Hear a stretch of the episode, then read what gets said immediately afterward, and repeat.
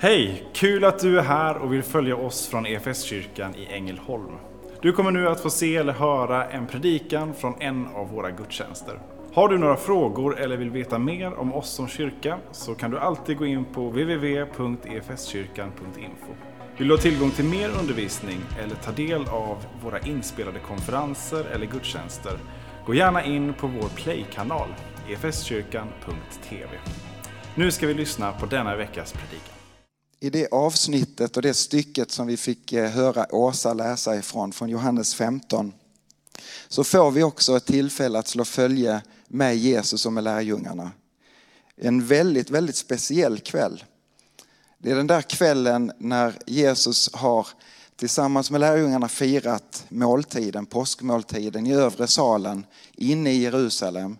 Och så är han på väg ut ur staden och de har förmodligen sannolikt gått ut genom någon av de södra stadsportarna och så är de på väg upp mot Getsemane trädgård genom Kidrondalen.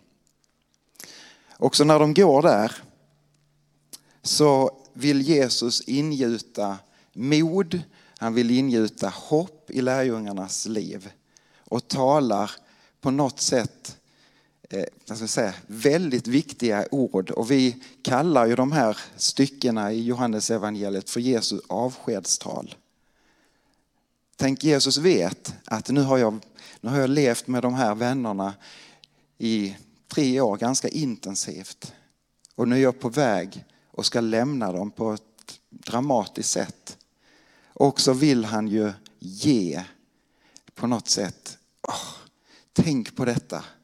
Och så inleder han och återigen är jag där och fiskar som, som vi har gjort många gånger under den här sommaren om att vi inte ska känna oro. Jesus börjar där. Känn ingen oro.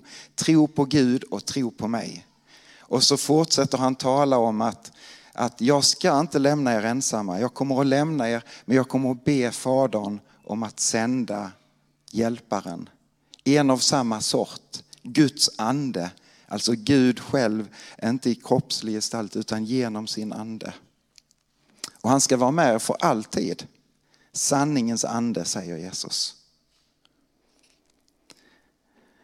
Också under den här vandringen så passerar de förmodligen de kungliga vingårdarna där i Kidronsdalen södra del. Och eh, går förbi för, liksom, säkert enormt pampiga vinrankor. Det är liksom extremt bra förutsättningar för att det ska växa väl där.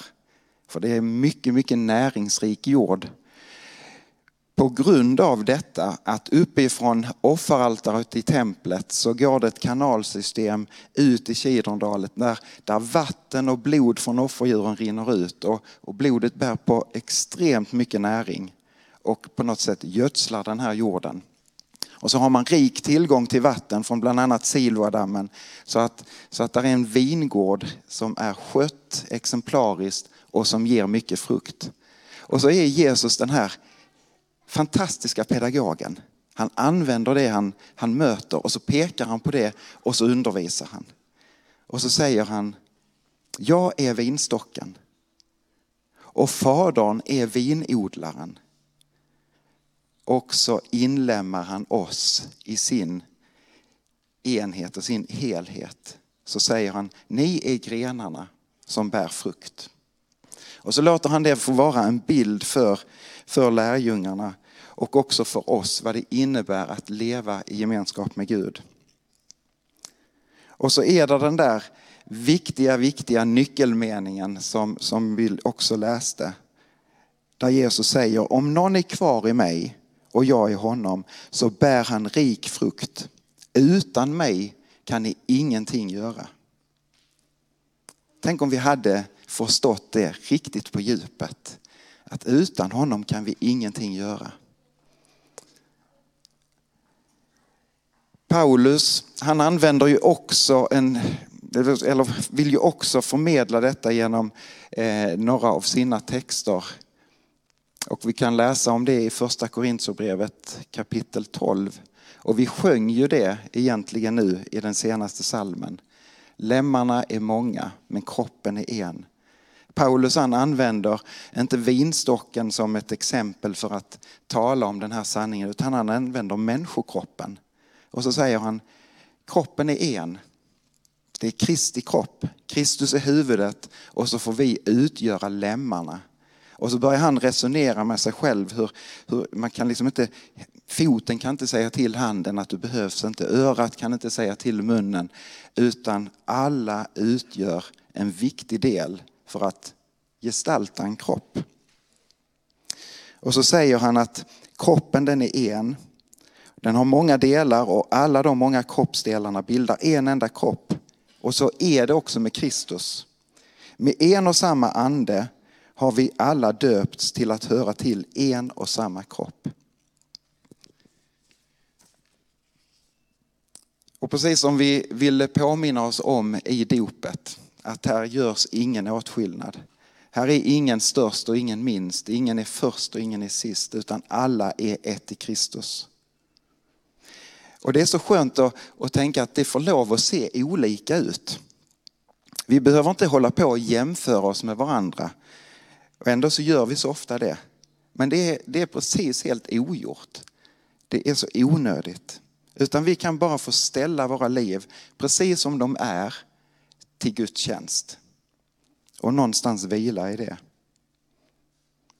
Och så tänker jag att det här enkla och självklara, det borde väl ändå lärjungarna ha fattat. De som har slått följe med Jesus så länge och fått höra så mycket av honom. Och de borde ju ändå insett detta, tycker man. Att ja, ja, vi kan väl få vara de vi är.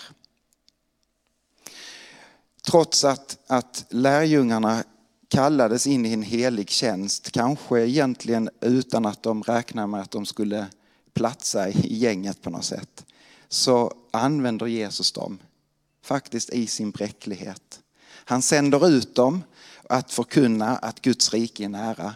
Han ger dem också makt att det får ske tecken och under genom deras liv när de går omkring och predikar och ber för människor. Så de får inte bara vara med om att se hur Jesus förvandlar liv, utan de får också se hur Jesus förvandlar liv genom deras tjänst. Vad händer med dem då? Det kan vi läsa om bland annat i Lukas 9 som är också en av den här söndagens evangelietexter. Och vi läser ifrån Lukas 9, 46 och 48. Och där står det så här. De börjar undra vem som var den största av dem. Jesus som visste vad de tänkte i sina hjärtan tog ett barn och ställde det bredvid sig och sa till dem Den som tar emot detta barn i mitt namn, han tar emot mig. Och den som tar emot mig, han tar emot honom som har sänt mig. Ty den som är minst av er alla, han är stor. Så hamnar lärjungarna i den här märkliga diskussionen. Vem av oss är störst? De kanske har varit ute på sina vandringar på lite olika håll, kommit tillbaka och sagt, åh vet ni vad, det här har hänt, den här människan, och detta hände när jag bad, och jaha, och jag fick berätta och de här kom till tro. Och så är de liksom helt uppe i detta, att förstå i den här tjänsten. Och så börjar de jämföra sig. Och så kommer den här frågan, vem av oss är störst? Varför hamnar de där? Har de något märkligt extra stort behov av att få bekräftelse?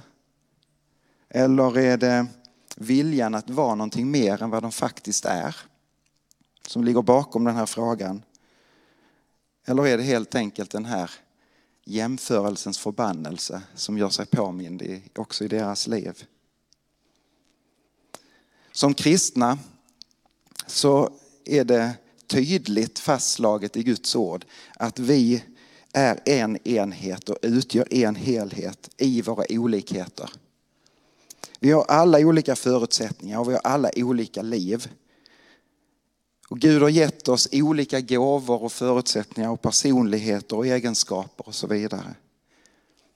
Men det är för att vi ska kunna bära varandra och för att också kunna bli en hel palett eller en fullständig bukett. Eller vad vi nu använder för bild. Vi utgör alla en och samma kropp. Och vi kan faktiskt få slappna av i det. Att inte jaga efter att vara mer än det som vi är kallade till att vara. Ändå så säger också Guds ord att vi ska sporra och uppmuntra varandra. Både i våra olikheter tänker jag, men också i våra likheter. Och, och, och någonstans så, så slog den här tanken mig om, om hur, hur svårt ibland det faktiskt kan vara att uppmuntra en annan människa av någon anledning. Jag vet inte vad det är som gör det. Förmodligen har kanske inte ni det, men, men jag kan brottas med det ibland. Speciellt om man möter någon som står på något sätt i, i tjänst eller i, i, liksom i gåvor som kanske är lika sina egna. Så tänker jag om jag möter någon som är riktigt, riktigt duktig på att predika. Jag möter jätteofta folk som är bättre på mig än att predika, så det är jag van vid. Eh, men, men vad skadar det mig att faktiskt uppmuntra och ära honom eller henne? Och säga, åh vad duktig du är. Som du fångar människor. Kan du ge mig tips? Kan du inte coacha mig lite grann? Eller om du är musiker, eller du har en fantastisk sångröst, eller du fungerar som en ypperligt bra ledare. Och så möter du någon annan som liksom kliver in på ditt område, kan tyckas. Oj, den var lite bättre än mig. Mm. Vad skadar det då att bara uppmuntra den människan och säga wow vad duktig du är. Dig skulle jag vilja ta rygg på. Det kanske är jättefjöntigt av mig att ta de här exemplen för det kanske är alldeles självklart för oss. Eller kan det vara så att stoltheten också kan göra sig påmind i våra liv? Så vi börjar ställa oss den där frågan, vem av oss är störst? Men Jesus är densamma i då som nu. Jesus han såg rakt igenom deras hjärtan. Han såg motiven bakom till deras resonemang. Han såg vad de tänkte och vad de kände. Och så tar han fram, återigen den här pedagogen Jesus, fantastisk. Förmodligen är det ett barn i närheten och så tar han fram ett barn och så ger han dem en sanning och säger han, blir ni inte som ett barn? Så är, är ni helt snett på det. Han säger ju inte så exakt men, men han pekar på barnet. Men han, han gör ju också det vid ett tillfälle där han säger till lärjungarna, omvänder ni inte er och blir som ett barn så kan ni inte komma in i Guds rike. Vad, vad menar Jesus med detta?